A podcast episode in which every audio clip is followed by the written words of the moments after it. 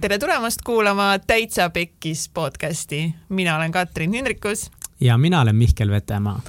ja meie Täitsa Pekkis podcastis me räägime erinevate ägedate inimestega nende eludest ja asjadest, mis lähevad pekki. miks nad pekki lähevad, kuidas nad pekki lähevad ja kas sellest kõigest saab välja ka?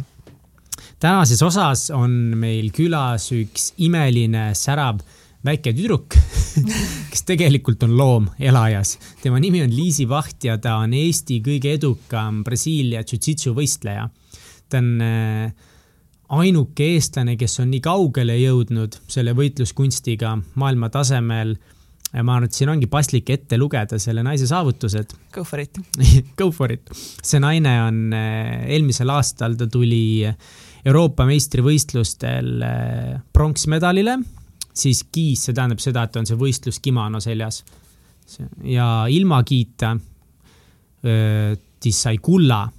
siis on selline asi nagu Naga Worlds, ta käis võistlemas Ameerikas ja seal ta sai no-kiis kulla, mis on haige, seal võistlesid siis kõik võisid võistelda lilladest kuni mustade vöödeni välja ja seal ta sai nii no-kiis kui kiis sai kulla, mis on täiesti ebareaalne siis ta on eh, Euroopa meistrivõistlustel eh, Nagas saanud kaks korda kulda, samamoodi gi ja no-gi.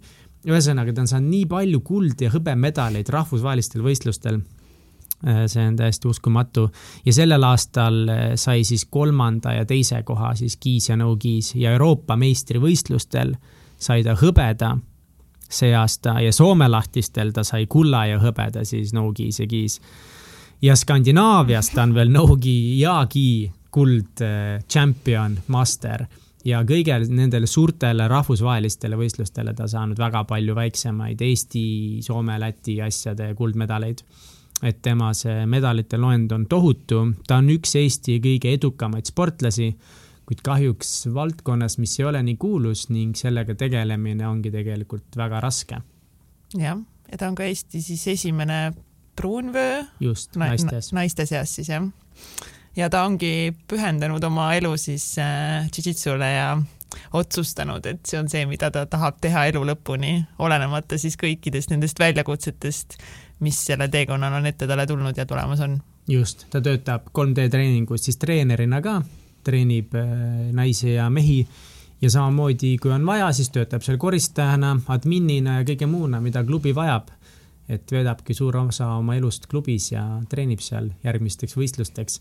ta on tegelikult eh, suhteliselt tagasihoidlik tüdruk, aga kui ta väljakule läheb võistlema, siis öeldakse, et ta on loom, most violent woman ja kõiki siukseid asju, et temaga rääkides see välja ei tule, aga tegelikult ta murrab inimeste käsi pooleks lihtsalt. ja päriselt murrabki.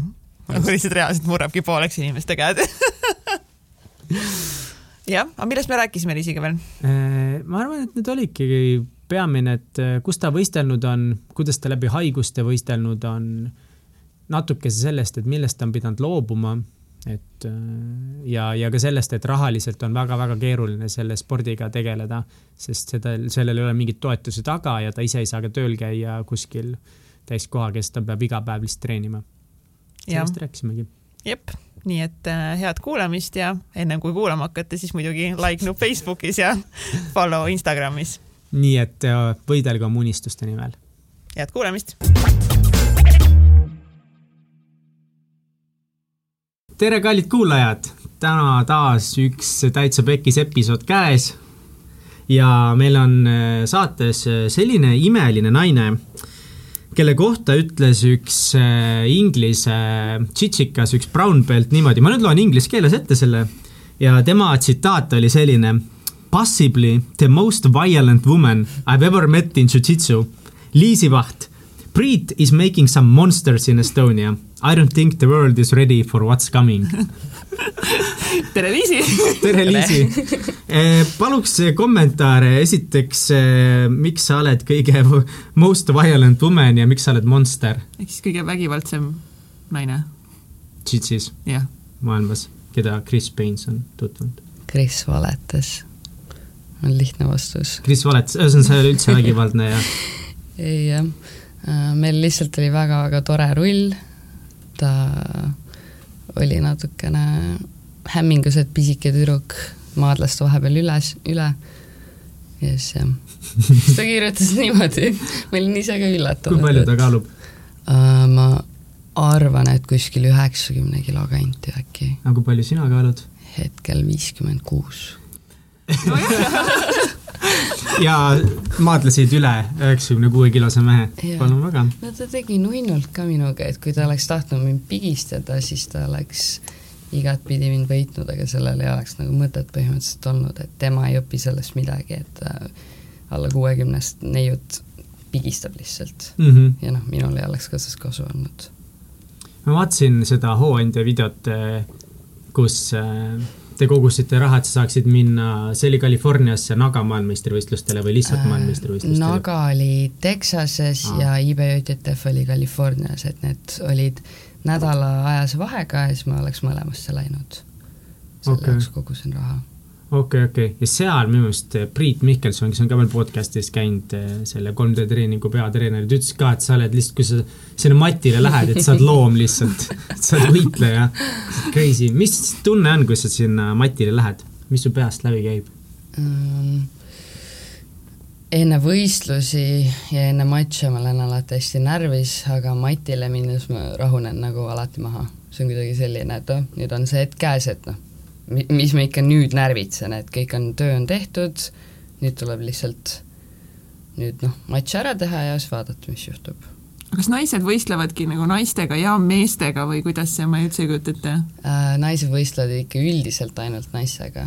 minu esimesed võistlused ma võistlesin kuni seitsekümmend kilogrammi kaaluvate meeste vastu, kuna naisi lihtsalt ei pannud võistlusele kirja ennast. meil ei olnud ka tol ajal väga palju nagu naistšitsikaid, et mõned olid, aga noh, kui nemad ei saanud tulla, siis pandi mind alati meestega kokku olen isegi võitnud neid mingeid. tegelikult, kuidas oli meestega rullida? Äh, esimene võistlus ma kaotasin kõik matšid, aga ma kaotasin punktidega, mitte alistusega, mille üle ma olin nagu väga uhke, sest noh, nad ikka tahtsid mind alistada, et nad ei teinud nagu nunnult minuga, sest see oleks ikka noh, võib-olla ei oleks kõige parem, kui mingi pisikselt neiult saad esimesel võistlusel alistada või midagi. ma saan nagu aru nendest, et noh, ega nad minuga nagu lebolt ei teinud aga jah, ma olin selle üle tol hetkel küll väga-väga uhke, et ühe matši ma oleks isegi peaaegu punktidega suutnud võita. aga järgmistel võistlustel siis ma olin juba rohkem trenni teinud äh,, siis oli mehi ka rohkem mul vastas ja siis nad olid isegi kuni kuuskümmend viis kilo mõnikord, et siis oli väiksemaid ka juba tekkinud. et siis neid ma olen nagu alistanud ja võitnud. Nice. aga jah, mingist hetkest oli rohkem neide ka ja siis on nüüd neidude kaalud tekkinud.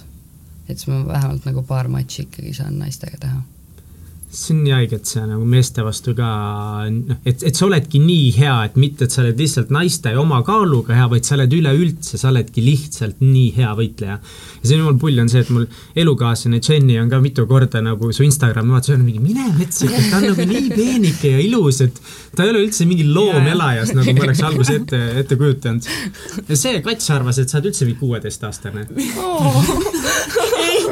nagu Mihkel on nii, lihtsalt nii palju Liisist mulle rääkinud, kuidas ta tahab podcast'i ja ta, ja ta ja ta, sa kuidagi rõhutasid, et ta on noor ja siis mul enda peas nagu tekkis lihtsalt pilt, et sa oled mingi seitseteist, kaheksateist ja ma vaatasin, vau, ei olegi, kakskümmend kuus hoopis. Aga kas äh,, ma uuriks seda, et kas na, nagu, kui palju annab see naisena enesekindlust see, et sa tead, et äh, et nagu e-, elus ükski mees põhimõtteliselt nagu noh, nomedamalt, noh, ei saa sulle midagi teha no natuke ikka annab, aga üldiselt, kui keegi tahab mind nagu lüüa, siis ma arvan, et ma kaotaksin et esimene asi on ikkagi noh, enesekaitse suhtes ja mingi tänaval nii-öelda ärajooksmine. aga jah, kui keegi ikka tahab nagu peksa mulle anda, siis ma arvan, et siis kaal ja jõud teeb ikka nagu vahe sisse. muidugi mul on parem šanss kui enamus teistel neidudel kindlasti, aga ma pigem jah, olen pessimist selliste asjadega õige suhtumine muidugi, et see on ikka Priit Mihkelson ütles ka podcast'is, et isegi tema ei ole noh, kuskil ja. tänaval kakel tahtnud, et üks asi on see, et kas sulle keegi lööb selja tagant pudeliga pähe, teine asi mm -hmm. on see, et kui sa mingi venna ära kägistad ja ta peaga vastu maad kukub mm -hmm. või mhm. midagi, on ju. see on nii kohutav. no aga põhimõtteliselt, kui sa, sorry mm -hmm., segasin vahele, aga põhimõtteliselt ikkagi, kui see nagu noh, et ei ole mingi sajakilone võitleja, vaid on mingi sihuke keskmine purjus tont, kellele sa selja taha peaksid saama. no tegelikult tal ei ole siis võimalust ju. No, see vend on surnud loodetavasti mitte, aga jah muidu läks minul halvasti. jah, seda küll, jah. aga ja meil on klubis isegi üks äh, kunagine liige Kristiine keskuses oli mingi juveelirööv põhimõtteliselt või midagi, et mingi vend läks sisse, röövis mingit poodi ja siis ta nagu nägi seda, kuidas ta põgeneda üritas, jooksis järgi, hüppas selga, kägistas ära. aga noh, ma üldiselt ei soovitaks sellist asju vaata teha, et kunagi ei tea, et äkki inimesel on mingi relv mm -hmm. või mhm. nuga, et noh, see ei ole ikka nagu vajalik, aga sai kuulsaks natuke niimoodi, et no selles suhtes noh, refleksid lõid sisse, ta ise ütles ka, et hiljem oli nii, et oh, et võib-olla ei oleks pidanud nagu tegema, et äkki tal oli mingi nugarelv mm. -hmm.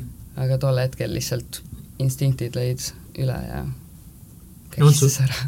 on sul endal olnud mingit sihukest olukorda, kus äh, on kuidagipidi kasu olnud äh, mingis väljaspool trenni olukorras sinu sellest distsipliinist või mindset'ist või trennist või jõust mm? -hmm on natukene olnud, et üks mu sõber korraldab ühte sellist peosarja nii-öelda või midagi. Ja siis pidu oli juba läbi ja siis seal oli mingi hästi purjus noormees, kes haaras veel DJ-l nagu käest hästi tugevalt kinni, ei lasknud lahti, see DJ oli õnneks hästi rahulik ja noh, tema ei olnud nagu joonud aga see kutt nagu oli näha, et ta tahab ta kallale minna, siis ma põhimõtteliselt läksin sinna nagu juurde, küsisin, et kas kõik on korras, ta nii, et, et ei, me peaks selle tüübi nagu välja siit saama. ja siis ma nagu vaatasin talle väga tõsiselt silma ja võtsin nagu tema käes kinni, ütlesin lase lahti. ja siis ta nagu kohkus natuke ära, et mingi pisike neiu tuleb praegu nagu noh, minul oli ka see, et no kuule, ma võidan sind igal juhul, mina olen sada protsenti kaine, tema mingi vaevul sõi siis püsti, et noh ära, ära jama mu sõpradega, et palun lahku. Et see oli selline üks hiljutisemaid, aga see oli ka mingi paar aastat tagasi võib-olla. Mm. -hmm mehed ei oota, vaata, see on, see on nagu jah. kõige lahedam. Yeah.. et kui sa oled niisugune nagu mingi kena väike naisterahvas nagu ja siis lihtsalt järgmine hetk on nagu mis nüüd sai on sul suht treenitud haare küll, et mm -hmm. ega see on niisama. ma arvan, et ta sellest saigi nagu aru, et ma tõesti võtsin nagu piisavalt tugevalt kinni ka, et ta nagu aru saaks, et lõpeta ära nüüd, me ei tee nalja siin, et palun lahku, pidu on läbi mm. -hmm. et isegi see DJ pakkus, et ma tellin sulle takso, et saame su koju nüüd, et kõik on korras. aga ta millegipärast oli nagu hästi tõesti nagu vägivaldne natuke, mind tõukas seal ja jah, ma ei tea, kus turvamehed olid tol hetkel, see oli nagu väga üllatav ausalt öeldes ja, hea point ja tänapäeval ikka nad jõuavad suht kiiresti jaole. no pidu oli läbi, et ma aitasin lihtsalt põhimõtteliselt tehnikat kokku pakkida ja siis Turbad järsku mingi vend tuli kuhugi sisse ja hakkas seal jamama. aga miks, mis sa arvad, mis oleks sinu sõnum või miks naised järjest rohkem hakkavad sütsi tegema? see annab ikkagi omajagu nagu enesekindlust ja see kehakontroll ja kõik asjad on nagu noh ikkagi kasulikud elus, igaks juhuks, kes teab, mis võib juhtuda. et ongi, et kui sa satud kaklusesse või kuhugi, et sul on mingid instinktid, refleksid olemas, sa tead, mida teha nagu enam-vähem. ma olen nagu igaks juhuks väga korduvalt mõelnud nagu enda peas läbi, et mida ma nüüd teeksin, kui siin olukord nii-öelda halvasti peaks lõppema. et see on nagu hästi tore, aga ma arvan, et hästi palju on ikka see trennikommuun ja asjad ka, et tuled trenni, sa ei saa mitte millestki muust mõelda, kui sa džitsi teed. sest muidu sa saad lihtsalt suubi kogu aeg, et noh, sa pead seal hetkes olema, kõik päevamured põhimõtteliselt ununevad ära, et seda on väga paljud inimesed meil klubis öelnud, et kohe, kui need trenni tulevad, argimured läinud, lihtsalt selline väike reset põhimõtteliselt päeva lõppu, lähed koju, on selline hea väsinud tunne, oled nagu midagi aju ja kehaga teinud ikkagi, et see ei ole ainult selline füüsiline, et lendame peale ja mm -hmm. kakleme, sa pead väga hästi kõik läbi mõtlema ja kuna meil on nii palju erinevaid partnereid ka, siis meil ei ole seda, et kogu aeg sajaga, et mingid mehed võtavad näiteks väikse tüdruku, et hästi rahulikult üks rull teha, tehniliselt põgenemisi harjutada ja et jah, see on nagu hästi meeldiv see on päris äge jah. aga miks, ja, no, miks sa just valisid nagu džitsi? kõikidest nagu teistest äh, võitlusspordialadest äh,? ma olen alati tahtnud nagu mingit kontaktsporti proovida, alguses ma mõtlesin, et ma lähen tai-boksi põhimõtteliselt, et see tundus nagu ja, lahe, vaata, et lööd, aga millal see oli üldse äh,? no ongi põhimõtteliselt, kui ma Tallinnasse kolisin mingi kaheksa aastat tagasi, veits rohkem isegi äh,, siis ma mõtlesin, et noh, tahaks lihtsalt proovida midagi. Saaremaal, Orissaares mul ei olnud nagu väga seda võimalust, et siis ma oleks pidanud võib-olla Kuressaarde sõitma, aga see ei olnud ka nagu väga hea valik, et seal ma tegelesin igasuguste pallimängude ja kergejõustike asjadega.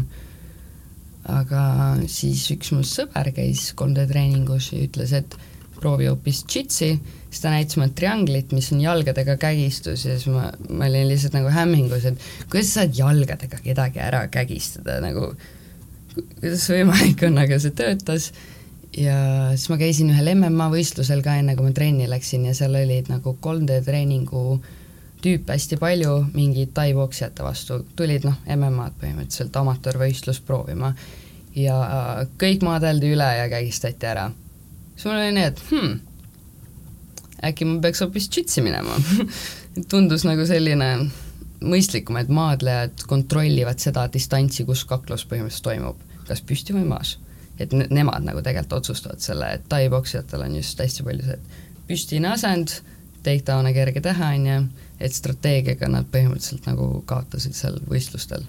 siis see nagu pani mind mõtlema, et jits on tõesti nagu selline maadlusala, rahulikum natukene, liigese lukud, saad ise tempo valida ja sa ei saa nagu löökidega pihta, et see oli mu jaoks tegelikult lõpuks hästi suur faktor, et mingid ajupurutused, asjad, et õnnetus juhtub, et džitsis on ka õnnetusi juhtunud, et ma olen mingi põlvega pähe saanud ja kellelgi on mingi silm äh, siit saanud hästi tugeva obaduse, et ei saanud mingi paar kuud isegi trenni teha igaks juhuks.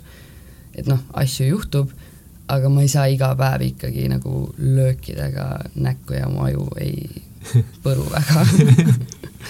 Et see, see sai väga määravaks lõpuks kuidas see algus siis oli Jitsis alustada? mis on need mingid äh, müüdid, mille pärast näiteks naised võib-olla ei alusta Jitsi või ei tule proovima? ma arvan, põhiline probleem, miks naised ei tule Jitsi proovima, on see füüsiline kontakt ja hästi palju seda, et ikkagi enamus on mehed trennis.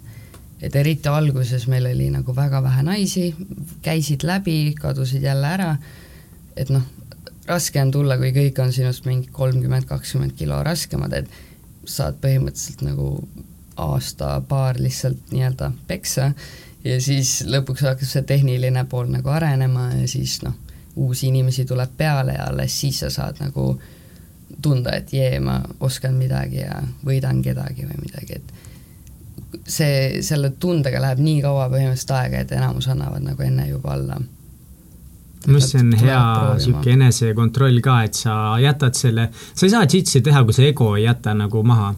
et sa pead mm. olema, sellepärast mulle meeldib ka, et see mõnes mõttes tõesti sihuke meditatiivne, väga tugev distsipliini ja vaimsuse harjutamine, et sa pead olema valmis selle jaoks, et sind nagu alistatakse, see kõik on nii-öelda rahulik ja kontrollitud mm, -hmm. sa ei mhm. saa haiget selle jooksul, aga kui sa just ise ei ole nojah, kui sa ei tee rumalusi seda ilmselt on ka alustajatel juhtub päris palju. väga palju.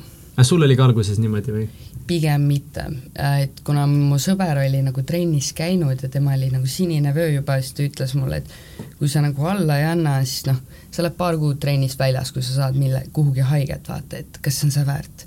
mida sa teed need paar kuud, kõik lähevad nagu sinust kiiremini edasi, siis ma olingi kogu aeg pigem äh, patsutasin hästi vara, on ju, andsin alla hästi vara ja siis hiljem oligi see, et ma tegin tööd, et ma enam sinna alistusse nagu ei jõuaks, vaata, et ma ei hakanud seal alistuses põgenema, ma pigem ennetasin neid kohti, et keegi saab mul mingi käe kätte või kaela kätte kuidagi. et jah. jah, peab ennetama. on veel mingeid äh, müüte või mingeid asju, miks naised arvavad, et sitsi ei tasuks proovida või miks nad kardavad? Ma ei oska ausalt öeldes väga, väga nagu öelda, kuna noh, mina olen enamus oma džitsi karjäärist ikkagi meestega treeninud ja mulle pigem nagu meeldib see, et ma saan nagu peksa, inimesed on minust paremad, et see nagu sunnib mind arenema rohkem. aga jah, ma nagu teiste kohta väga ei oska öelda. Ma olen ka Liisiga olen, täitsa mitu korda rullinud ja see on nii lahe kogemus lihtsalt. see, kuidas sa loobid mind või keerled, sa nagu tantsid ümber minu niimoodi, et vahepeal võtad nagu käe kinni, sa lased lahti ära, sest noh, see käsi nii-öelda just selle sa võisid ära murda, võtad kaelast kinni, ma olen sealt kägistatud, me tantsime edasi nagu, et see on nii naljakas ja see ongi, ma nagu noh, mina suudan suht hästi sellega hakkama saada, et inimesed on minust paremad, see on nagu fine, aga see on lihtsalt nagu nii naljakas, kuidas noh, see vastupanu on nagu nii mõttetu või noh, see mõttetu on vale sõna, aga see on nagu futile, futile ikka tõesti ja et see on naljakas, aga kihvt on rullida tegelikult äh, inimestega, kes on sinust osavamad mm, -hmm. see on nii lõbus. et see on, see on minu arust see on nagu mõnes mõttes nagu sihuke. see tants. arendabki tegelikult lõpuks, sest mina näen su vigu paremini kui mm -hmm. sinu nagu vöökaaslased nii-öelda või midagi. et siis ma saan neid mhm. parandada kergemini, sina õpid, et noh, ma tunnen ka, et kui ma, kui inimesed nagu soovivad minuga rullida, ma tahan, et nad saaksid paremaks, on ju, sest mida paremad nemad on, seda parem mina pean olema et see ongi, et sinusugused inimesed, kes tahavad õppida, mulle väga meeldib sinuga rullida, ma saan sulle head tagasisidet anda ja ma näen, et sa kasutad seda ära, et järgmine kord mul on raskem. et see on nagu väga-väga suur faktor jälle. kas sa nüüd loeksid ennast no, profisportlaseks või? kas sa oled profisportlane või mm,? põhimõtteliselt jah no arvestades sinu taset, siis minu meelest sa oled kindlasti profisportlane, aga sellistel aladel võib-olla inimesed vaatavad nagu seda, et kas sellega saab elatist teenida või mitte mm -hmm. ja siis selle järgi nagu öeldakse, siis proff tähendab professionaalinimene, kes saab nagu alaga elatist teenida mm, -hmm. kas tšitšiga saab elatist teenida äh,? enamasti on ikkagi keeruline, et võistlemine nagu sellisena sealt nagu väga raha ei saa, et on üksikud sellised turniirid, kus võitja saab nagu päris korralikud summad aga jälle, sa pead nagu väga palju inimesi võitma, kes kõik tahavad seda esikohta, on ju, kõik on treeninud samal tasemel ja see ei ole üldse nagu kerge, et enamus on ikkagi õpetamises raha mm. -hmm. seminarid ja eratunnid ja kas sa oled käinud ka turniiridel, mis on raha peale mm,? põhimõtteliselt näiteks need Soome lahtised meistrivõistlused on ka, et kui sa kimonaga võidad enda kaalu ära ja avatud kaalu, siis seal mõlemas saab nagu esikoht raha. palju see on? Äh, enda kaalu eest saab nelisada eurot ja avatud kaalu eest kaheksasada eurot, aga seal on see väike pisiasi, et selle peab kasutama nagu võistluseks ära. Et Euroopa meistrivõistlused või maailmameistrivõistlused, et nad on nagu ajastanud need Soome võistlused enne neid suuri teisi võistluseid mõned kuud ja saadki nagu selle raha ära kasutada et see on mõnes mõttes nagu edasine investeering sporti ja mm -hmm. et noh, mina kasutaksin nagunii neid võidusummasid selle jaoks, aga jah. see tundub mulle väga frustreeriv või kuidagi nõme, et noh, näiteks ma ei tea, kui palju sul üldse igasuguseid rahvusvahelisi tiitleid on, niimoodi peast oskad öelda või mm,? päris... kõik kõigi aastate peale kokku või Neid on vist nii palju, sa oled, aga mis on, mis on sinu enda jaoks kõige tähtsamad võidud, mis sa oled saanud mm,? ilma kimonota Euroopa meistritiitel. see oli noh, minu jaoks väga-väga jube võistlus igatpidi. Ja no maailmameistrivõistluste hõbe oli ka ikka jälle väga-väga jube võistlus nii-öelda, et see, selle üle ma olin omajagu uhke ja noh, Naga topelt see maailmameistritiitel oli ka väga-väga meeldiv. hakkab tulema järjest neid päris korralikud saavutused ikka. lemmikud vist. Jaa, need on nagu täiesti vapustav vaadata, kui sa, kui sa siuksed asjad saanud oled. aga tead, ma tahtsin nagu nii mitut asja küsida, ma mõtlen, kuidas ma struktuurin, esiteks nagu ma hakkasin nagu sinna seda teemat viima, et, et ikkagi suht ebaõiglane nagu vaadata, mis asju sa saavutanud oled ja et äh, sa ei saa nagu sellega elatist teenida või et või et justkui kuidagi see on nii struggle ikka kogu aeg, jah? jah, et seda nagu ei ole nagu mingit ma ei tea, rahvuslikku toetust või mingeid siukseid fonde, sest kui palju, noh, kogu aeg seda, neid näiteid tuuakse, et noh, kui palju on neid jalkameeskondasid Eestis umbes, kes käivad ja kaotavad igal pool ja kõik räägivad sellest, ma saan aru, et seal on mhm. vaatajad taga, et shit'is mm -hmm. ei ole, aga kuidas sa ise suhestud sellega, tekitab see sinus frustratsiooni või mingit? natuke kindlasti, et mingitel näiteks Soomes ja Rootsis on mingid äh, rahvus nagu võistkonnad ka, et siis vahel neid nagu toetatakse rohkem, näiteks Austraalias üks neiu on käinud meiega paar aastat treenimas, et ta ongi nagu national tiimis äh, Filipiinide nii-öelda national tiimis ja just kõik tulid Rootsi maailmameistrivõistlustele, et need makstakse neil ikkagi kinni. aga Eestis noh, me ei saaks teha national tiimi mm. -hmm mina olen hetkel põhimõtteliselt ainuke Eestis elav tšitsikas, kes käib välismaal nagu maailma tasemel võistlemas. Taavi Vaigla, jah, Taavi Vaigla näiteks käib ka, aga tema käib rohkem praegu Euroopa piirkonnas mm. -hmm. Jane Soodla on käinud, aga tema hetkel vist enam väga ei ole nagu väljamaale jõudnud. vigastused ja asjad on juhtunud aga kas sa käid kuskil tööl ka või? Äh, põhimõtteliselt 3D treeningus töötan treenerina ja koristajana mm. -hmm. Te ei näinud seda? Isi näitas high five, tegi õnnetu näo. no maailma tasemel tippkoristaja mm. -hmm. no põhimõtteliselt see on äh,, ma olen jah, kui ma valisin selle nii-öelda teekonna, siis ma sain aru, et ma arvatavasti hakkan nii-öelda džimmis elama ja teen kõik, mis vaja, et nagu saada võimalikult palju võistelda. kui koristada on vaja, siis ma teen selle ära. Pole nagu küsimuski mm. -hmm. sa ütlesid, et sa õppisid muidu tõlgiks või? just nii. aga millal sa tegid selle valiku oma elus, et minna nii-öelda professionaalseks tšitsikaks, võistlejaks? no algselt tegelikult ma mõtlesin, et ma tahaks nagu Eesti tasemel olla esimene nais black belt ja õpetaja siin põhimõtteliselt, aga umbes kaks-kolm aastat tagasi ma sain aru, et mul läheb võistlustel nagu väga hästi, siis ma olin Soomes ühel seminaril, mida andis üks Brasiilia naine, kes elab tegelikult Taanis juba aastakümneid, ja siis ta küsis mu käest, et kas ma lähen Euroopa meistrivõistlustele. Siis ma ütlesin, et muidugi mitte, et ma sain just kaks kuud tagasi lilla vöö, et noh, mõttetu, et saan mingi peksa seal ja värki, et siis ta ütles, et äh, mina sinu asemel nagu kindlasti läheks, et noh, selle põhjal, mis ta praegu koges, et mine.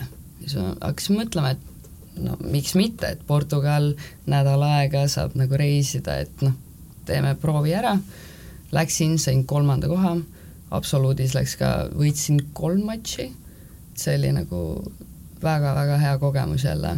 treener oli ka hämmingus, et mul läks nii hästi ma olin ise ka väga hämmingus. Et see, sealt edasi hakkas vaikselt nagu millal see oli? võistluspisik tulema põhimõtteliselt. see oli eelmise aasta Euroopa meistrivõistlused jaanuaris mm. -hmm. et nüüd see tuleva aasta jaanuaris ma lähen kolmanda, kolmandat korda järjest siis Euroopa meistrivõistlustele kaks korda olen võistlenud lillades vöödes, eelmine või see aasta siis sain hõbeda, finaal oli päris selline napikas, siiamaani kriibib omajagu et jah, see oli ühe neiu vastu, kellega ma olen varasemalt ka kokku läinud, et ta on väga-väga hea ja praegu maailmast on omajagu kajastust isegi saanud. et BJJ Heroes tegi tast just ühe artikli, et on up and coming grappler in Europe põhimõtteliselt, Anja Bergo no minu arust sinust võiks ka teha rahvusvaheliselt mingi, mis pagana Anja Bergon, viisivaht Eestist. aga mis on kõige raskem olnud või kõige suurem väljakutse sinu jaoks sellest hetkest, kui sa valisid, et äh, sa tahad pühendada oma elu põhimõtteliselt Tšitšile? no ongi võistlustele nii-öelda kohale jõudmine, et ma pean omajagu raha selle jaoks kokku hoidma, proovima seminare, eratunde teha, et ma saaksin nagu piisavalt raha koguda, et võistelda see on nagu kõige suurem probleem kogu aeg. kui palju on, siis ma ei kujuta, mis need summad nagu, millest, millest me räägime, et kui suured mm -hmm. need mhm. nagu on, et minna ühele võistlusele uh,? olenevalt organisatsioonist natukene, et IBJTF on praegu kõige kallim, et kui on kimono ja ilma kimonota võistlus samal päeval või mingi kahel järjestikusel päeval, siis see on umbes sada viiskümmend eurot mõlema maks, muidu üks võistlus on sada eurot ja siis noh, lennupiletid, söögid koha peal, transport, ööbimine, et äh, USA-sse minnes ka esimene võistlus Texases me olime viis-kuus päeva elasime lihtsalt couchsurfiga. et noh, pole mõtet põhimõtteliselt ööbimist mingites kohtades võtta, et mm -hmm. me nagu proovime hästi palju saada kuhugi tutvuste kaudu ja ongi couchsurfiga. ikka hull tahe olema tüütu on vahel ja ongi, et see on selline pidev töö, et kõigile kirjutada, keegi hüppab alt ära mingi poolviimasel hetkel, see on selline peavalu, et eelmine nädalavahetus ma käisin äh, Amsterdamis võistlustel ja seal oli põhimõtteliselt sama asi, et kolm-neli päeva enne minekut me saime alles ööbimise päriselt, aga kas see mõjutab sinu võistlemist ka, et sa ei saa keskenduda nagu ainult sellele, vaid sa pead keskenduma mingi olmeküsimustele, et kus elada, kust süüa osta? võib-olla natukene, aga mitte väga palju, et see on ikkagi see, et töö on tehtud, et ma pean proovima lihtsalt rahulikuks jääda, et mida rohkem ma nagu võistlustest mõtlen, siis ma tavaliselt ajan enda ainult närvi siis kui ma olen närvis ja pinges, ma tavaliselt ei esine nagu kõige paremini mm. -hmm. et mida rahulikum ma olen, seda paremini mul on läinud. ühesõnaga, ma saan nagu praegu seda aru, et keskeltläbi nagu mingi Euroopas võistlusele minek on mingi paari tuhande raames siis? üks võistlus yeah. Mm,? vähem ikkagi. isegi vähem, jah ja.? ja USA-sse minek? USA-sse läks mul ligi kaks tuhat kokku vist. nii, kõik inimesed. kaks nädalat ka ikka. kellel on firmad, nüüd on vaja hakata sponsoreerima Liisi Vahti, sellepärast Liisi Vaht on eh, naine, kes on täiesti realistlik kandidaat igasugustele maailmameistrivõistluste mm. finalistiks olemisele, nii et kõigil on firmad. see on, tegelikult see on nagu nii nõme, see on mingi, see on nagu noh, mingisugustele spordiasjadele see on mitte midagi mm -hmm. see tuhat euri mm, -hmm. aga kui sind ei toeta nagu riigis mitte keegi peale sina ise ja sinu treenerid mm -hmm. ja sinu mhm. kommuun, see on nii nagu valus või kuidagi nõme. raske. natukene. jaa, toeta kõik Liisi Vahti yes.. tuleb saata. aga kas sul ei ole enda mingit kodulehte või kus konstantselt saaksid inimesed nii-öelda panustada sinu Hetkel arengusse? ei ole mul jah, mul on endal nagu hästi palju raskusi alati nagu raha küsimusega mm. -hmm. see hooandjaga, et Laura Mallene põhimõtteliselt nagu paar aastat lihtsalt käis mulle nagu pinda, et palun teeme sulle hooandja kampaania. siis ma olin, et ei, ei, keegi ei taha mulle raha anda, pole vaja. aga siis lõpuks nagu noh, see maailmameistrivõistlustele mineku tahe oli liiga suur, Euroopas noh, nii-öelda hakkas väikseks jääma et see oli vaja ikkagi nagu sinna ära minna ja siis ma lõpuks nõustusin ja selle hooandja eesmärgi, mis oli kaks tuhat viissada eurot, me saime nelja päevaga kokku, et ma olin Rootsis võistlustel samal ajal ja noh, lihtsalt nutsin seal ja olin nii, et kuidas see võimalik on, et ma olin nii hämmingus. ma ei oleks kunagi seda uskunud. nelja päevaga, see oli ulme lihtsalt. Te vist kogusite mingi neli tuhat eurot või? just, me kogusime eesmärgist nagu väga palju rohkem ja see oli ka hämmastav mu jaoks, mul siiamaani põhimõtteliselt ei ole see kohale normaalselt jõudnud kes sul aitas seda hooandjat veel peale Laura teha äh,? Laura Mallene tegi põhimõtteliselt kõige suurema töö ära, Philip Kaat aitas selle videopoolega, mis rohkem nagu väga ei olnudki. ja sina pidid kaamerasse rääkima? mina pidin kaamerasse kuidas sul see läks kohutavalt see oli väga-väga naljakas, et ma ei ole kaamera ees just kõige sujuvam inimene. et jah, ma natuke ropendasin seal ja, ja olin lihtsalt nii, et ma ei taha enam. et jah. lihtsalt see ebamugavustunne oli nii suur, mõtlesid, et isegi, et jätad pooleli selle asja, selle mm. projekti? natukene oli küll nii, et aga noh, kõik olid juba oma osa ära teinud, et see ei olnud enam nagu väljapääsu peab ikka oma mugavustsoonist välja astuma vahepeal korralikult, et mingit suuremat eesmärki Just. saavutada. see oli kohutav, aga ma sain aru, et ma pean ja. seda tegema, kui ma tahan sinna minna, et mul endal ei olnud sellist võimalust, vanemad pankrotid pole vaja mm. -hmm.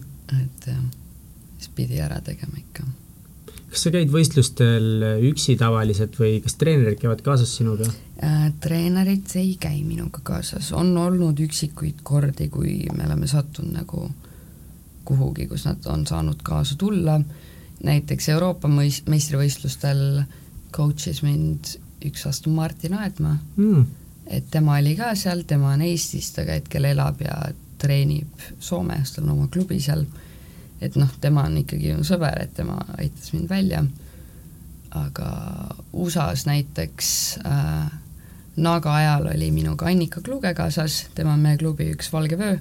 seal oli ka tegelikult see, et ma pidin üksi minema USA-sse.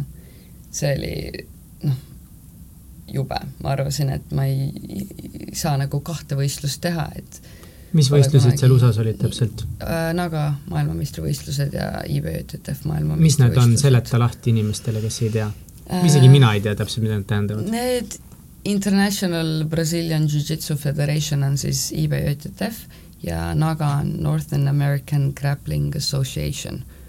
et need on lihtsalt kaks erinevat organisatsiooni, neil on natuke erinevad reeglid ja NAGA-l oli siis kimonoga ja ilma kimonota võistlus ja IBJTF-is oli ainult ilma kimonota maailmameistrivõistlus. seal olid maailma parimad tšitsikad kõik koos? just, mul esimese matši vastane oli väga-väga kõva tšitsikas, et noh, ei tahaks öelda, et ma oleks peaaegu talle kaotanud, aga ma põhimõtteliselt oleks peaaegu talle kaotanud, et see oli hästi raske matš, ma sain kergelt nagu kaelale muljuda eelmine võistlus, mis oli nädal aega varem ja võistluseks soojenduse käigus ma sain jälle noh, kaelal natuke haiget ja esimeses matšis ma lendasin natuke kaela peale ja siis matši ajal oligi see, et ma sain aru, et mu kael on nagu väga valus, aga ma, ainuke mõte, mis mul oli, et ma ei tulnud siia, et esimest matši kaotada. mul on ükskõik, ma elan see valu üle, ma teen kõik, et võita, sain talle käe lukku põhimõtteliselt tehtud, aga ka kakskümmend sekundit neiul oli käsi sirge, ma lihtsalt murdsin seda elu eest. ta nagu ei andnud alla ja proovis põgeneda ja siis ma kogu aeg kohendasin seda ja lõpuks mul oli see, et noh, ma lähen seda pooleks murdma. ikkagi on see, et tahad nagu armsalt ära teha, et annab alla, kõik on korras, kellelgi luud ei ole pooleks, on ju, aga seal hetkes mul oli see, et nüüd on see koht, et ma vist murran oma esimese käe ära. Aga õnneks ta ikkagi andis lõpuks alla wow. ja, ja siis ma võitsin selle esimese matši ja, ja siis ma olin juba esinelikus nii-öelda, et poodiumil. aga jah, järgmine matš oli juba see, et mu kael nagu ei liikunud äh, matš õnnestus võita ühe punktiga väga-väga raske matš sellesama Anja Pergo vastu, kes praegu on, teeb laineid natukene. Ja siis jah, finaalis oli see, et kael ei liikunud, vastane kasutas seda väga korralikult ära, lihtsalt tiris kogu aeg mu pead. ma olin nii kuri seal, olin nii pettunud ja kuri, aga noh maailmameistrivõistluse finaal, et mis sa teed, et ma nagu mingil määral saan tast aru, aga mina isiklikult ei oleks nagu teinud seda. ta teadis, et su ja, kael on äh, vigastatud? karjusid, et põhimõtteliselt tirida kaela, et ta täpib, tal on valus konkreetselt karjusid nagu, et tiri teda kaelast?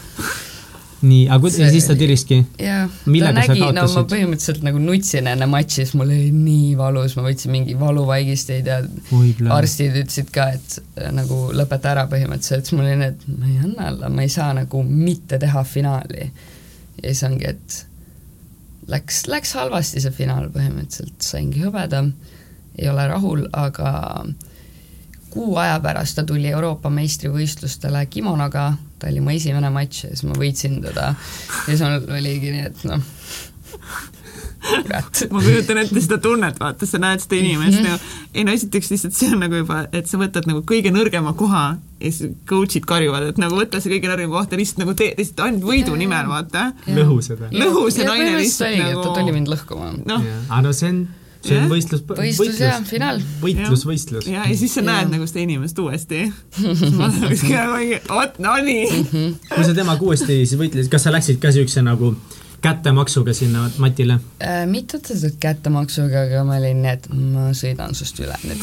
sa ei võida, nagu ma olen terve nüüd, siin ei ole šanssigi ja noh, nii õnneks läkski et enamus mu vastased me saame väga hästi läbi mm. -hmm. ta on väga-väga headeks sõpradeks mulle saanud, võistlustel ongi, et Amsterdamis ka üks neiu, kelle vastu ma võistlesin, ma lihtsalt hängisin temaga nagu enamus ajast, et me oleme varem korduvalt võistlenud ja seal läksime ka kokku, aga me oleme nagu väga-väga head sõbrad, matš oli väga lahe panen see varsti üles ka kusjuures. aa, pane ja mm. -hmm oota, aga me korra veel küsin veel sellesama maailmameistrivõistluste kohta, et millega ta siis su lõpuks alistas, kas saigi kaelaga või? põhimõtteliselt jaa, ta nagu tegi sellist äh, paper cutter'it no-keys ja siis äh, muljus mu kael nagu põhimõtteliselt noh, sellised asjad, vaata, jah. okei okay,, täpis. aga sa tundsid seal, et sa oled üksi ka või kuidagi, kui teistel on kõigil seal mingid treenerid kaasas ja natukene, aga üks Soome neiu karjus mul asju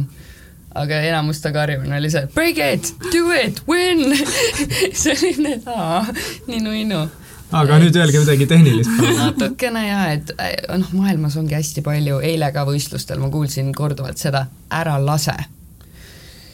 see ei ole väga hea nõu, mida anda inimesele, kes, kellel on ideed otsas mm. -hmm. see, see ei tööta väga hästi, on ju, aga kes, äh, korra segan vahele, kes Jitsist ei tea, siis tegelikult on võistlustel niimoodi, et äh, inimesed nagu võivad sulle nii-öelda kar-, või ongi nagu, et inimesed õpetavad sind mm -hmm. kõrvalt, aitavad kaasa, et sul on treenerid tavaliselt, iga spordis see nagu, noh, tegelikult on ikka, vaata jalkas ka treener karjub midagi, aga see kuidagi, sa ei pane tähele, aga Jitsis on vaata treenerid otse kõrval mm, -hmm. siis nad nagu juhendavad terve matši hästi mm -hmm. palju ja ma ise käisin ka nädalavahetusel võistlemas ja see oligi, et üks Adam nagu karjus mulle ühte asja, et kuule mm, -hmm. pane käed kokku, suru tema nägu. ma kuulsin seda, ma kohe tegin ja see toimis mm. -hmm. no muidugi pärast võeti kohe uuesti muud asendid ära, aga, aga hetkeks. et see on, see on kihvt tegelikult või huvitav niimoodi, mõne, mõnedes see tekitab vahepeal niisugust nagu küsimust, et miks nad niimoodi aitavad, need mm -hmm. treenerid, aga mm. -hmm nojah, ongi, et Priiduga ma olen käinud Soomes, et sinna ta on saanud kaasa tulla, ta ei ole ise ära olnud, et viimane võistlus oligi, et ma tundsin, et mina olen nagu mängutegelane ja ta lihtsalt puldiga nagu juhendab mind. kõik, mis ta ütles, töötas ideaalselt, ma tegin kõike, mis ta ütles, see oli nii hea lihtsalt. mulle kõrvalt öeldi ka, et seda oli nagu nii lahe vaadata, et Priit ütles, mina tegin, kõik, ta on võit, võit. seal ma jah, võitsin ühte pruunivööd ka, kui ma olin lillavöö wow.. ja siis peale seda saingi pruunivöö nüüd ja sa oled esimene naine pruunivööga, eks ole, Eestis? just, meil on üks eestlanna, kes äh, kolis USA-sse, läks ülikooli või peale ülikooli USA-sse mm, -hmm. ta on nüüd ametlikult nagu USA kodanik, loobus Eesti kodakondsusest, tema on ka pruunvöö mm., aga noh, põhimõtteliselt Eestis treeninud inimestest olen ma esimene ülilahe. kuule, aga räägi veel oma Ameerika seiklusest, et äh, seal oli ka teine võistlus, kus sa siis käisid, oli see Naga mm. -hmm. kuidas sul seal läks? seal mul oli kaks matši ilma kimonota, pandi jälle kaal üles, võit-, võitlesin jälle raskemate vastastega natukene äh,. esimese matši ma võitsin punktidega hästi kindlalt ja teine matš oli selline, et äh, seis jäi null-null aga mina läksin tegelikult lõpus, kohtunik ütles mulle, et ma oleksin pidanud ühe alistuskatse eest punkti saama ja võitma, et seal oli väike draama, et mu vastane sai mu avatud kaitsest mööda, oleks pidanud kolm punkti saama, aga tegelikult ei oleks, kuna mul oli alistuskatse peal mm, -hmm. et siis punkte veel ei anta. aga tema, minu vastase treener oli väga äh, väga närvis seal, lükkas mingi inimesi natukene ja karjus seal ja karjumine käis, jah? jaa, väga tüüt oli lihtsalt jälle, et noh, mingi draama. ja siis oli kaks minutit lisaaeg äh,, sellest oli mingi minut kolmkümmend läinud, null-null oli seis ikka veel ja siis on kohtuniku otsus, kes võidab. ja siis ma mäletan, et kohtunik ütles, et ladies, you gotta make something happen. et muidu me peame otsustama, vaata ja siis mul oli nii, et okei okay,, nüüd on see kolmkümmend sekki, et ma noh, väga väsinud olin jälle, et mõlemad matšid läksid täisajale ka põhimõtteliselt, et noh, raskemad vastased äh,, finaali vastane on üks MMA fighter Bellatoris vist või kuskil, tal läheb päris hästi isegi, et ta oli tõesti nagu väga tugev ka, ma olin väga väsinud, viimased kolmkümmend sekundit võtsin end kokku ja sain sviibi kaks punkti. kuidas sa eesti keeles nimetaks sviipi? pühkimise. pühkisid pikali ta nagu või äh,? alt kinnisest kaitsest ronisin selga talle, selle mm -hmm. eest saab sviibipunktid kaks punkti ja seljapunktid ka kaks punkti. ja siis ma võitsin teda nelja punktiga. see oli vähe, noh, nii hea tunne, see oli mu esimene nii-öelda maailmameistrivõistluste tiitel ja siis kimonaga olid matšid kohe järgi seal üks vastane andis alla, ütles, et ta ei taha minuga enam kakelda ja läks ära mismoodi? sa põhimõtteliselt ei pea võistlema, kui sa oled kirja pannud, lihtsalt ongi, et no ah. show, disclav ja siis esimese matši ma võitsin sellega, et meil ei olnud vastast ja siis oli kohe finaal sama neiuga, kellega ma tegin no-his finaali. ja seal äh, läks asi pigem kiiresti, alla paari minuti ja alistasin ta käelukuga. selle üle ma olin ka väga, väga õnnelik väga haige, sa oled loom vaatasin kusjuures eile just need mõlemad videod läbi, ma ei olnud neid hästi pikalt vaadanud, et nii naljakas on vaadata sellist videot, mis on nagu aasta aega vana mm. -hmm. ma nii palju edasi arenenud mm, -hmm. see on iga koha peal nii, et miks ma nii tegin, ma oleks pidanud sealt ju niimoodi mm -hmm. tegema. ja siis on hämming, et kuidas ma sain võita seda aga nüüd sa käisid see aasta ka võistlemas mm -hmm. kuskil suurtel võistlustel? see aasta on suurem olnud see Euroopa meistrivõistlused kimonoga ja Euroopa meistrivõistlused ilma kimonota. ma sain seal on kaks võistlust põhimõtteliselt koos, Rooma lahtised ja ilma kimonota euroopakad. Rooma lahtised olid päev varem ja ma sain oma põlvele niimoodi viga, et ma ei saanud äh, ilma kimonota osa võtta ja siis sellest ajast peale ma ei ole võistlenud ja nüüd käisin Soomes ja Amsterdamis. tegin neli-viis kuud põlve rehab'e lihtsalt ja treenisin vaikselt. kas vigastused on nagu, on, on see suur probleem sinu võitluskarjääris olnud või? jah, kindlasti nüüd on asi palju parem, et kunagi ma alustasin Jass Murutaluga niimoodi koostööd, et ta tegi mulle ühe kava, jälgisin, järgisin seda, aga nüüd ma töötan temaga nagu väga tihedalt põhimõtteliselt, et ta noh, vaatab kõik mu trennid üle, kohe kui mul on mingi vigastus, me hakkame sellega nagu tööd tegema, et nüüd vigastusi on palju-palju vähemaks ikka jäänud, et ma teen nii-öelda prehab'i. mis see tähendab? ennetavad, ennetavad vigastustreeningud põhimõtteliselt rehab ja prehab. vigastus võib mega frustreeriv küll olla. mis, mida sa tunned, kui sa oled midagi katki teinud ja sa ei saa võistlema minna see, kui ma ei saanud äh, ilma kimonota Euroopa meistrivõistlustel võistelda, ma, jah, ma põhimõtteliselt ei saanud normaalselt kõndida ja ma olin eelmine õhtu ikka nii, et aga äkki hommikul on parem mm. -hmm. ja siis mu sõbrannad ostsid mulle pitsat ja veini, et ma ei saaks võistlema minna põhimõtteliselt, et ma ei oleks kaalus oh., et mul oleks mingi paha olla või midagi. sest sa oleks läinud või? ma ei, võib-olla, siis ma olin terve õhtu nii, et ma ei tea, äkki ma proovin, äkki ma teen ühe matši, vahet ei ole, et mm -hmm. kui ma praegu quitin, siis noh, siis ma võin esimese matši ka juba kaotada või midagi mm, -hmm. vaata, aga aga ei ol-, ei, nii ei saa teha põhimõtteliselt, vigastus läheb hullemaks, paus läheb pikemaks, see on täiesti lollus. Aga hommikul ma ärkasin kusjuures ikkagi mingi seitsmest üles, olin kaalus ja korra kaalusin, et äkki ma lähen, aga see oli liiga hull vigastus, et öösel liigutades ma ärkasin üles ja selline valu oli põhimõtteliselt, noh, ma tahtsin nagu nutta lihtsalt. no see oli see frustratsioon ka, et kas ma tõesti ei saa nüüd võistelda, et that broke my heart põhimõtteliselt. miks sa tahad nii hullult võistelda? ma ei tea, ma armastan seda põhimõtteliselt lihtsalt. Iga kord enne võistlust ma mõtlen, et miks ma olen siin, miks ma piinan ennast, see on nii raske, see on nii tüütu, see on selline nagu pinge, selle tunne on ka, et hästi paljud inimesed nagu ootaksid midagi sinult, et kui on hästi läinud eriti. Mm, -hmm. et ma ise panen ka endale ikka omajagu pinget peale, mis on noh, mõttetu tegelikult, aga enne võistlust tõesti, miks ma siin olen, miks ma seda teen endale, peale võistlust, võistluse ajal, see on nagu noh, siis ma saan aru, et ma tahan seda teha, ma tegelikult armastan seda elu ikkagi. et võidud-kaotused, need õpetavad nii palju, see ei ole nagu maailma lõpp, kui sa kaotad, sul on järgmine võistlus, sa treenid nagu rohkem, sa treenid targemalt, vaatad oma vead üle, et see ongi selline nagu, nagu elu põhimõtteliselt mm, -hmm. et noh, võistlused mm -hmm. ongi nagu elu, et fail'id, võidad, aga ongi, et anna endast alati parim, siis sa saad rahul olla, et mul ei ole olnud sellist hetke, kui ma oleks nagu lihtsalt alla andnud, et isegi kui ma kaotan, ma võistlen, võitlen lõpuni ikka, et asju juhtub, ma olin kunagi üheksa-null taga, matš hakkas läbi saama ja ma võitsin endast väga palju paremat neiut triangliga. lihtsalt ma ei andnud alla, ma tegin kõik, et noh, veits ütleme, et vedas, on ju mm. -hmm. aga ikkagi see ve vedamine oli sellepärast, et ma ei andnud alla, et Lõpuni ma olen välja. näinud, kuidas inimesed alla annavad nagu matil. ja ma peale seda lubasin endale, et ma kunagi ei tee nii. nagu mm -mm. ja oled sellest lubadusest kinni pidanud? just nii mm. -hmm. aga mis on olnud kõige valusam kaotus, mida sa ise oled tundnud? see oligi see maailmameistrivõistluste finaal mm.. see noh, ma olin nii kuri, et mul see vigastuse asi oli, et ma olin, et kui mul seda ei oleks, kuidas siis oleks läinud mm, -hmm. see kui oleks oli nii näriv lihtsalt. see ongi, et ma olin terve see õhtu lihtsalt voodis, käisime Cheesecake Factory's, ostsime mingi kolm-neli kooki, mis on päris kallid tegelikult, aga mul oli lihtsalt nii kurb meel.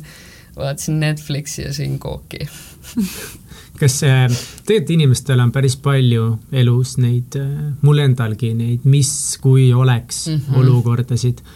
mis su soovitus on inimestel nagu sellega hakkama saada? Let go and move on. sul ei ole nagu tegelikult valikut, sest noh, ma ise nagu, mul on väga raske seda teha, aga ratsionaalselt ma saan aru, et midagi ei muutu. mitte mi-, mingi asi, mis ma nüüd teen, ei muuda seda, mis oli. pean lihtsalt sellest õppima nii palju kui võimalik ja edasi liikuma, järgmine kord paremini tegema. aga ärme unusta ära, et kõigepealt tuleks kolm cheesecake'i ära süüa ja siis natuke võib nii-öelda emotseda, et see on, see on alati ikkagi noh, väike haavade lakkumine peale võistlust on normaalne. et see on see, et kui, kui ma oleks rahul selle mm -hmm. tulemusega olnud mm, -hmm. siis oleks kõik korras, on ju olnud. aga vahel isegi peale võite ma olen olnud nagu natuke kurb, et ma võitsin koledasti või midagi sellist wow see on ja, see on hästi naljakas, inimesed vaatavad mind, et mis sul viga on. kas see nagu enese siis üle nagu analüüsimine ja see, et nagu ma võitsin, aga nagu mm -hmm. ma oleks saanud ikka nagu veel mhm. paremini mm -hmm. kuidagi võita või mm? -hmm. Ikka ei ole rahul vaatama. hästi-hästi enesekriitiline mm, -hmm. et see ongi see, et ma panen endale vahel nagu ebavajalikult palju pinget peale. et see on asi, millega ma pean hästi palju tööd tegema. et kui ma praegu Amsterdamiga läksin, ma, ma olen olnud mingi korralikult haige põhimõtteliselt kuu aega, et mul reedel lõppesid antibiootikumid ära ja laupäeval oli võistlus.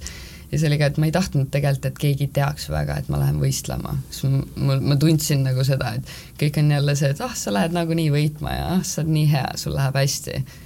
et see, seda mulle nagu väga ei meeldi kuulda, aga ma saan nagu teistest inimestest ka aru, et noh, see selle kaasaelamine ikkagi, et see on tegelikult nagu hästi nunnu ja I appreciate it a lot, aga tol hetkel mul oli see, et ma ei taha, et keegi teab mitte kunagi midagi, et las ma olen üksi või midagi. siis ma rääkisin peatreeneriga, siis jälle ratsionaalselt saan aru, et inimestel nagu meeldib ka natuke kaasa elada. Yeah.. et siis ma lõpuks ah, postitasin selle, et nagu Euroopa meistrivõistlused on homme Ordusse oh my god, aga kas sa ise siis nagu natukese tundsid ka, et võib-olla sul ei lähe selline hästi, sest sa olid haige just olnud mm, -hmm. kartsid seda väga? see oligi see, et ma ei ole saanud normaalselt trenni teha kõndisin treppidest üles ja ma olin, et peaks nagu väikse pausi nüüd tegema, et see, ma vihkan haigena võistlemist. see on nii frustreeriv, sest noh, see ei ole see parim, mis ma saan tegelikult anda, see on selle hetke parim, aga ma tahan alati nagu vigastustest vaba olla nii-öelda terve, aga jälle, ideaalmaailm, seda on väga harva juhtub. alati on mingi vigastus või mingi väike terviseprobleem kui see palju nagu üldse peab, kui palju sa treenid nagu reaalselt, et olla mm -hmm. tipptasemel mm,? peaaegu iga päev mm,, mitu korda päevas vahel. mul on, ongi, et Jass Murutalu teeb mulle need jõu ja asjade kavad, olenevalt millal mul võistlus tuleb, siis ma nagu ajastan natuke oma vormi ka, et see olenevalt sellest ka mul on noh, treeningute pikkused ja intensiivsused, et täiesti oleneb ajast põhimõtteliselt rullin nii palju kui võimalik ja ongi kõik. millest sa, kas sa tunned või on, on midagi, millest sa pead loobuma oma elus, et neid trenne teha või et olla seal, kus sa tahad olla tipus mm.? Mäletan, kui ma džitsiga alustasin, siis mind kutsuti veel hästi palju ikka õue, et oh, lähme kohvikusse, lähme kuhugi sööma ja lähme õhtul peole mm. -hmm. selline, et ma olen trenn hommikul ma ei saa et siis mul enamus sõbrad põhimõtteliselt nagu jäid ikka nagu tahaplaanile tollel ajal, et ma nagu otseselt ei tõmba ka mingi väljaminemine ja kohvikus söömine või kuskil mingite asjade tegemine, et noh, sellest olen siis pidanud loobuma, aga otseselt minu jaoks ei ole nagu nii suur kaotus. kõige hullem asi on põhimõtteliselt see, et ma ei saa nagu väga tihti kodus käia kuna mul on vaja nagu trenne anda, trenni teha, ma tegelikult nagu olen Saaremaalt pärit, koer ja emme on seal, isi on noh, Soomes tööl, aga ta käib ka omajagu kodus, aga ma näen neid nagu nii harva, et see, see on nagu kõige hullem. onju. Mhm. ja õde elab Saksamaal, siis teda ma näen ka noh, liiga harva. muidu ma olen proovinud nagu võistlustega natuke ajastada seda, et äkki ma saan õe juurest läbi käia, aga seda ikka juhtub omajagu harva. kuna mul on kogu aeg vaja nagu tagasi tulla, jälle trenni anda, koristada, et kohustused on nagu siin liiga suured on see kõike seda väärt siis või mm? -hmm. minu jaoks on, sest ma ei ole olnud kunagi nii õnnelik midagi tehes põhimõtteliselt, et ma kui tõlgiks õppisin, ma tegelikult mõtlesin, et ma tahaksin minna mingi Europarlamenti kuhugi asju tõlkima, et selline, mulle meeldivad nagu konkreetsed, konkreetsed asjad mingil määral. et jah, seal on selline terminid, asjad, et jah. aga kas sa ei kartnud siis loobuda või kuidagi, ma just mõtlen, nagu ma näen täiega ise siin ka seda kohta, et mul on endal mingid unistused, mis nõuavad otsust, eks ole, paljudel inimestel see nõuab seda otsust. Minu arust Kats ja teie see videoproduktsiooni ettevõte oli otsus, kui sa tulid Tallinna Televisioonist ära, et noh, see ei ole nagu lihtne mm -hmm. otsus ja need hirmud sellega, et kuidas sa, kuidas sa nagu enda jaoks nende hirmudega hakkama said, et, et kui sa teed siukse otsuse, et sa loobud ühest valdkonnast või mm? -hmm no tolleks hetkeks mul oli see, et ma armastasin džitsi liiga palju, et ükskõik. ma lihtsalt teadsin, ma tahan džitsi teha, ma tahan džitsi treener olla, ma tahan, et mu elu oleks nüüd selline, et siis see tõlkeerialast loobumine ei olnud nagu enam hullu, et ma pigem oleks pidanud kooli pooleli jätma ja varem juba džitsiga tegelema hakkama, aga ma ikkagi tahtsin noh, kooli mingil määral ära lõpetada, et jah mõistlik. Jätke kõik koolid lõpuni, jätke pooleli. Jätke lõpuni, jätke pooleli. aga me enne vist Mihkliga ka arutasime omavahel, et kas džitsis on ka niimoodi, et, et sul tuleb üks hetk nagu mingi vanuseline piirang peale või pigem mitte? natukene, selles suhtes, et seal on ähm, erinevad nagu vanuseklassid ka, kaalutase, vöötase ja siis on vanuse tase ka põhimõtteliselt, alates kolmekümnendast eluaastast hakkab nagu masters aga sa võid võistelda nagu nooremates alati. et mingil määral siis nagu adults on kõige sellisem tugevam klass, kus võistelda. mis, mis see vanusevahe see adults on mm,? põhimõtteliselt isegi mingi kuueteistaastaselt saab sinna juba vist minna, aga muidu on juuniorid eraldi ka, et kuusteist, kaheksateist kuni kolmkümmend siis aga jah, nagu eraldi Masters maailmameistrivõistlused on olemas, et neid läheb ka mingi kuus klassi või midagi, et sa saad olla täiesti kaheksakümmend ja võistelda, et seda on nagu nähtud ka, et Euroopa meistrivõistlustel juhtus isegi üks selline matš, kus mingi kuuekümne, seitsmekümne aastane Black Belt pani enda toltsidesse kirja. terve saal lihtsalt nagu vaatas seda matši ja kõik noh, plaksutasid, selle respekt oli nagu, et ta nagu tegi seda, et oleks võinud enda vanuseklassis nagu vabalt võistelda, aga see oli nagu isegi huvitav matš ja täiesti noore tüübi vastu noh, läks päris hästi, kaotas, aga terve saal lihtsalt plaksutas nii pikalt, kõik olid nii nagu impressed. et omajagu ikka kaua saab võistelda. et otseselt nagu piirangut tegelikult ei tule mulle meeldib ka see tšitšis, et siin ikkagi nagu ajas lähed ainult paremaks. okei okay,, sul võhm ja füüsis muidugi ja. hakkab järgi andma, aga tšitš on ikka koht, kus sa saad hästi palju kompenseerida tehnikaga jõudu, eks ole? väga palju mm. -hmm muidu ma ei võidaks kui nii ei oleks. kui ma jah, alustasin ka rohkem võistlemisega, siis ma olin nagu hästi nõrk. kui ma 3D treeningusse tulin, siis ma olin ka makaron, ma kaalusin alla viiekümne kilo kogu aeg ja ma tõesti ongi, et seitse aastat jõhkrat tööd teinud, et juurde võtta. ma kogu aeg kaalusin liiga vähe ja mul millegipärast nagu on hästi raske nagu juurde võtta, et äh, musklit nagu tuleb, aga mm -hmm. jah.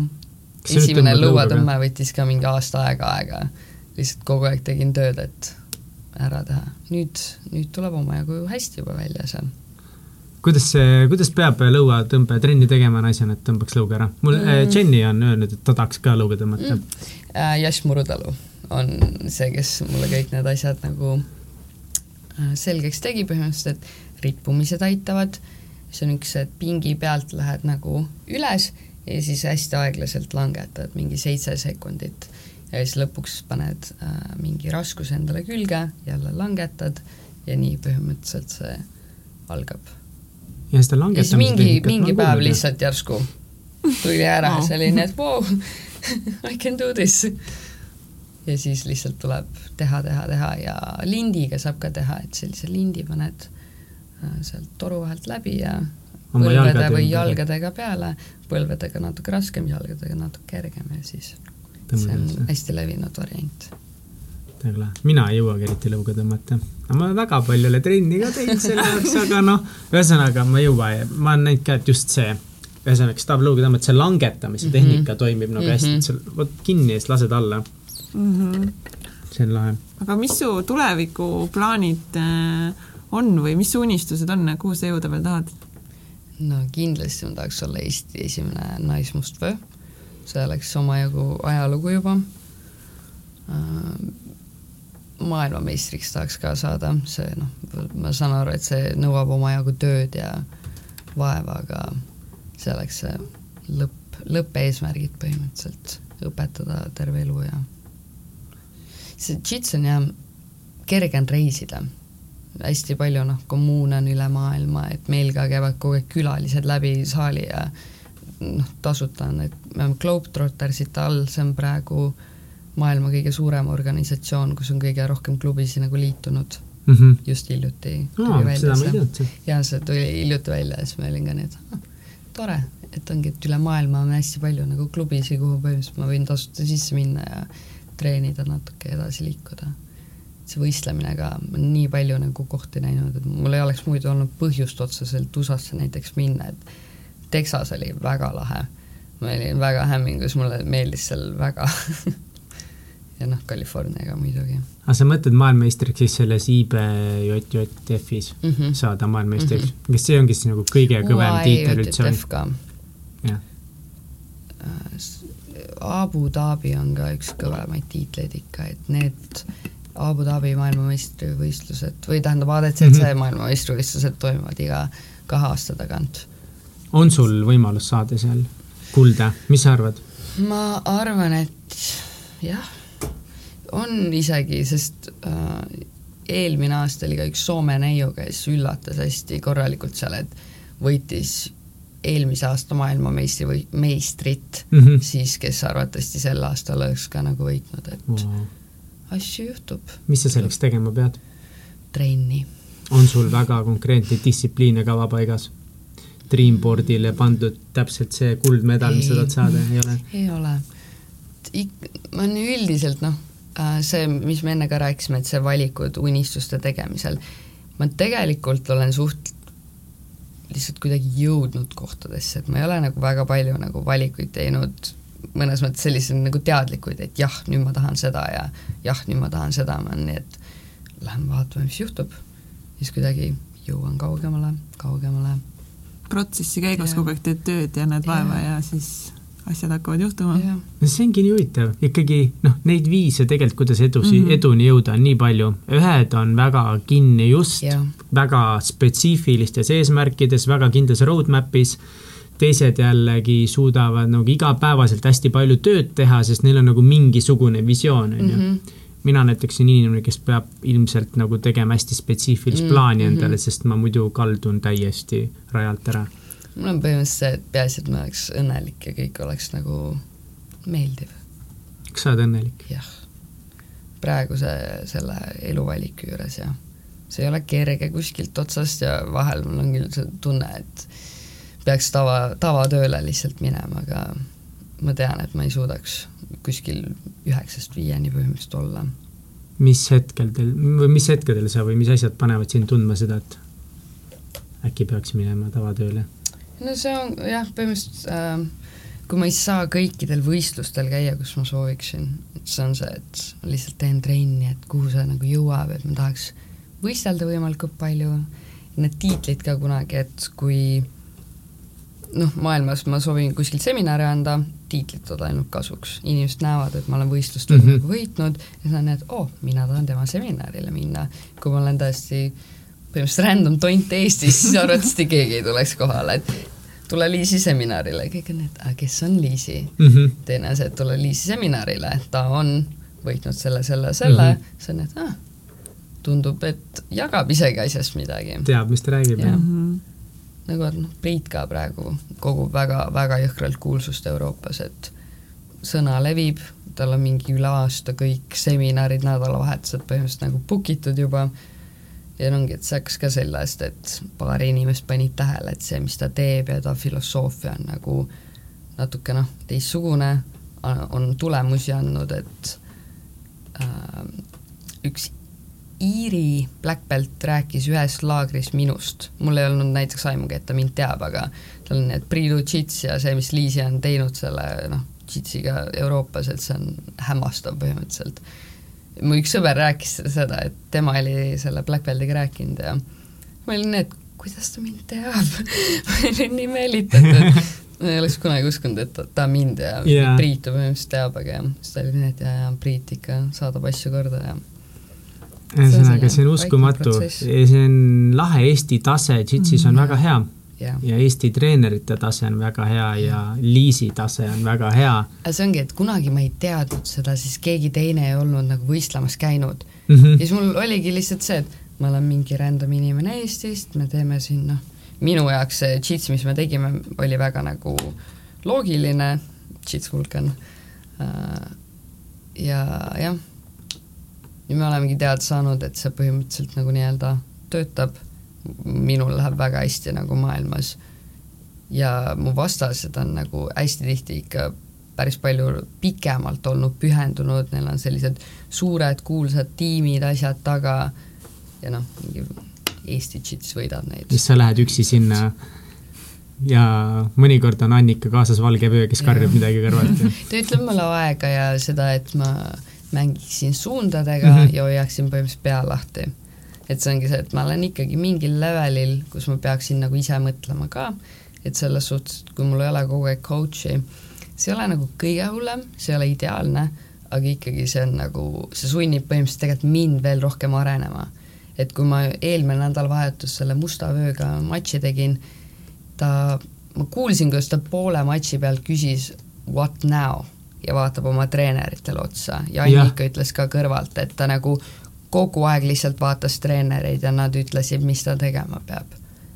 et noh, see oli minu jaoks kuidagi selline üllatav, siis ma mõtlesin ka, et hmm, et kui Priit oleks seal olnud, et kuidas mul siis oleks läinud yeah., kas see oleks teinud nagu, ma arvan, et see oleks mingi vahe sisse teinud, aga kui olulise ja seda ei noh, ei saa teada kui sul oleks rohkem raha, kas sa saaksid käia rohkem võistlustel ja ennast rohkem või kas sa tunned, et näiteks ongi see, et nagu Jitsis ei ole raha ja, ja sa ise ei ole metsikult rikas inimene mm, -hmm. eks ole, et kas see kuidagi piirab sinu arengut või võistlustel käimist ka mingil määral? natukene, et ikka on neid seminare, asju, kuhu ma väga sooviksin minna, aga noh, ma pean siin tööd tegema põhimõtteliselt, et teistel võistlustel käia ja siis ma ikka pean nagu valikuid tegema, kuhu võistlustele minna ja naistega on vahel see raske, et väiksematel võistlustel pruunidest vöödest naisi ei ole väga palju, ehk siis ma pean nendel suurtel-suurtel võistlustel käima, mis nõuavad nagu päris metsikult raha ja seal on kohe see pinge ka nii palju kõrgem, et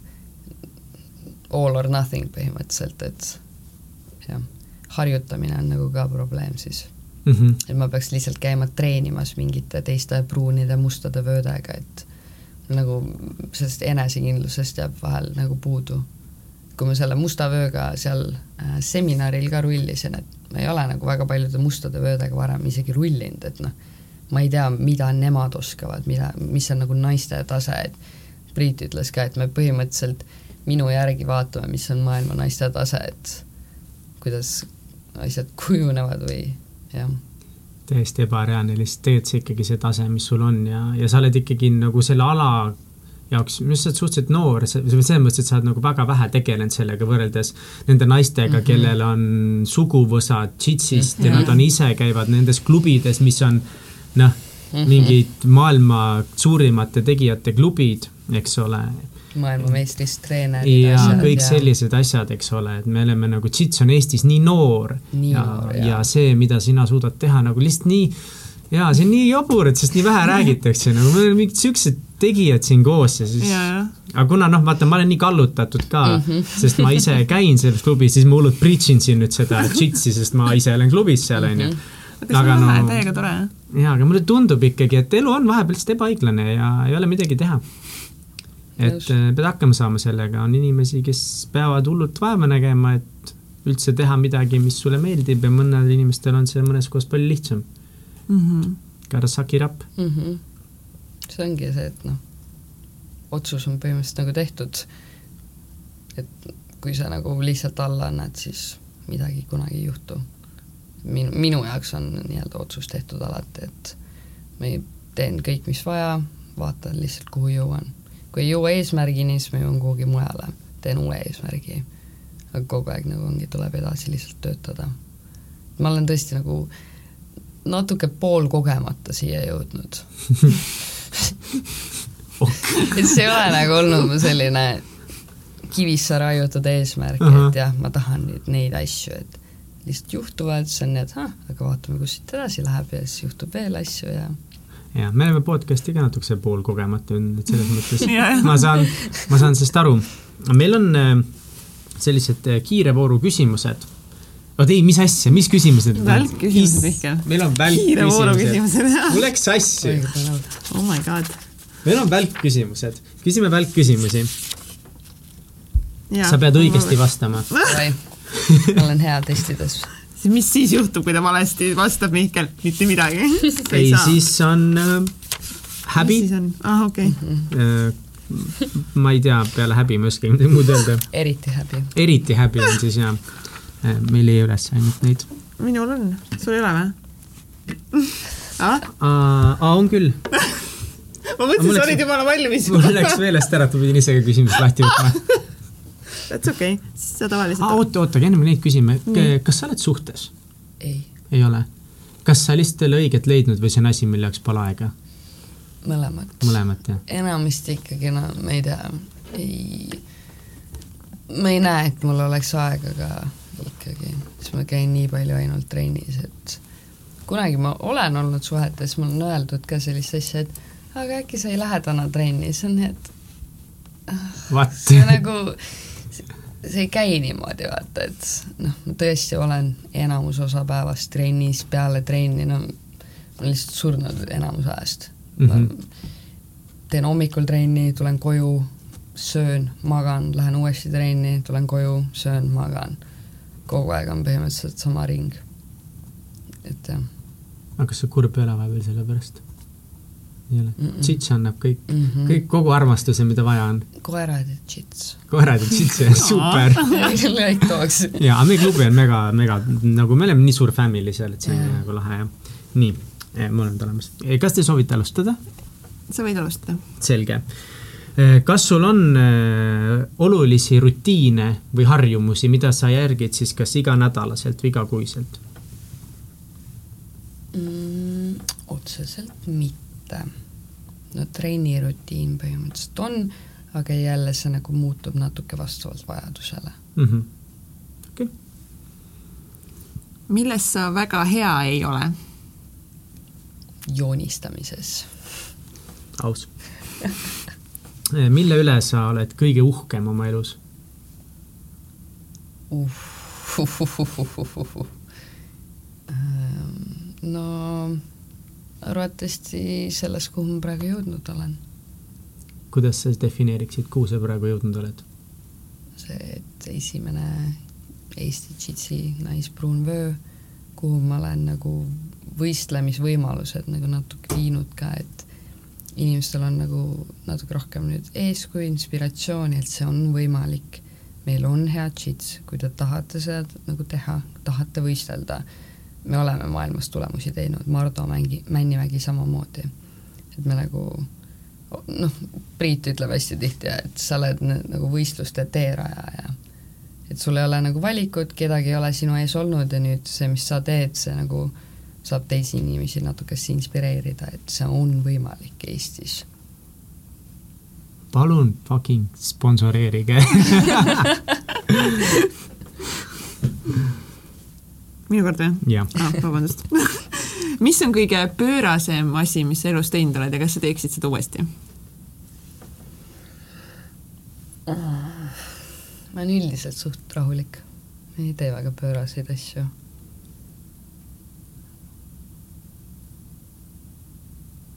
ma pean mõtlema sellele, ma ei, ma ei suuda praegu mitte midagi välja mõelda. no cheatsi elu valimine on põhimõtteliselt suht insane. ei ole väga mõistlik asi, mida elus teha, aga sai tehtud. ja kui sa saaksid uuesti alustada, siis sa ikka valiksid sama tee? jaa no,, siis ma valiksin selle palju kiiremini. ja varem, jah? jah äh,. skaalal ühest kümneni, kui veider sa oled üle seitsme, ma arvan armas. üle keskmise siiski. üle keskmise, jah. ma küsiks veel võib-olla seda, et äh, miks sa soovitaksid naistel võib-olla siis minna ja alustada džitsiga? see distsipliin, nagu juba mainitud on, ego vähendamine, endale enesekindluse tekitamine, et meil on jah, vahel isegi trennis tulnud päris sellised hästi vaiksed neiud ja sa lihtsalt näed nagu aastate jooksul, kuidas nad nagu avanevad, muutuvad palju julgemateks ja päris paljud neist on öelnud ka, et Jits on nagu andnud neile sellise noh, toetuse, enesekindluse, et meil nagu naiste kommuun on klubis hästi hea, meil on sellised väiksed grupid Facebookis ja riietusruumi ka noh, lihtsalt ühiskassa põhimõtteliselt, toome ühist dušikeele asju, Marju ja Laura tegelevad sellega nagu eriti palju ja kommuun, kommuun, kommuun väga,. väga-väga hea, soovitan. jah. Cool. on nii palju erinevaid inimesi seal koos ja see on lihtsalt nii huvitav inimestest nagu õppida ka, et ma olen mingitega aasta nagu koos trenni teinud, siis järsku riietusruumis saad ikka midagi uut teada, siis on, et ah, nii nagu huvitav sest noh, ma ei näe, et ma lähen lihtsalt kuhugi MyFitnessisse või kuhugi ja siis hakkan inimestega seal suhtlema ja saan lähedaseks või midagi, aga siin trennis me nagu kägistame üksteist iga päev, me nagu kakleme iga päev, hiljem nagu naeratame, anname plaksu ja kallistame ja see ongi, et see, see on nii lähedaseks teeb inimesed ikkagi. no sa oled suht lähedane ja, kui sa oled keset kaks ratsi seljas onju. mulle ka meeldib. pead sõpradeks põhimõtteliselt saama natukene mm. -hmm. et see juhtub paratamatult kuidas inimesed saavad sinu tegemistel silma peal hoida mm,? Instagramis, Facebookis. mis su Instagram on mm,? Liisi Vaht BJJ. Liisi Vaht BJJ. ja, ja Facebookis on mul siis sportlase lehekülg nii-öelda Liisi Vaht, lihtsalt. jah sa mingeid blogisid asju vist ei pea? ei pea. ei pea. jah, väga vinge. ja pange jah, Google'isse otsingusse Liisi Vaht mm, -hmm. siis näete seda hooandja videot, mis kunagi sai tehtud, Liisi saaks Ameerikasse minna. on veel mingeid videosid sinust, kui Youtube'i panna, ma ei ole Youtube'i sind pannud kusjuures no mingid võistlusvideod on kuskil üleval arvatavasti, enamus on mul privaatsed ja olen ordus jaganud mm, -hmm. et mhm. noh, klubi inimesed on nagu näinud um,. kunagi oli issand, ma ei mäletagi, mis see täpselt oli, ma olin Terevisioonis käinud hommikul mm, virtual reality mängudega põhimõtteliselt, et olid e-sportlased, siis võeti mind kui äh, noh, lihtsalt sportlast, mitte see e-sportlast ja pandi esimest korda virtual reality mängu seal mängima. siis lasin mingeid tulnukeid seal see oli nii naljakas hiljem nagu ennast vaadata telekast oli hästi veider, sest mina elasin tollel hetkel nagu hoopis teist asja yeah. läbi, kus ma mingeid droone lasin põhimõtteliselt. Sounds amazing, mulle endale väga meeldib droone lasta mm. -hmm. aga sellel toonil me tõmbame täna oma otsad kokku Yeah. et kindlasti follow ge Liisit ja kui teil on mingid, ma, ma pean proovima, kui teil on krediidiettevõtted, siis ma tean küll, kelle, kelle plakatid me paneme saali püsti ja kõik jutud, on ju, saab, sest meil on siin maailma parimad, eks ole. ja, ja, ja follow ge meid ka. Või siis, või siis ärge follow ge, ma ei tea. Mihkel panemas, muidugi peab meid ka follow ma ilmselgelt nagu, siis me saame ju rohkem viia selliste imeliste naiste lugusid nagu Liisi.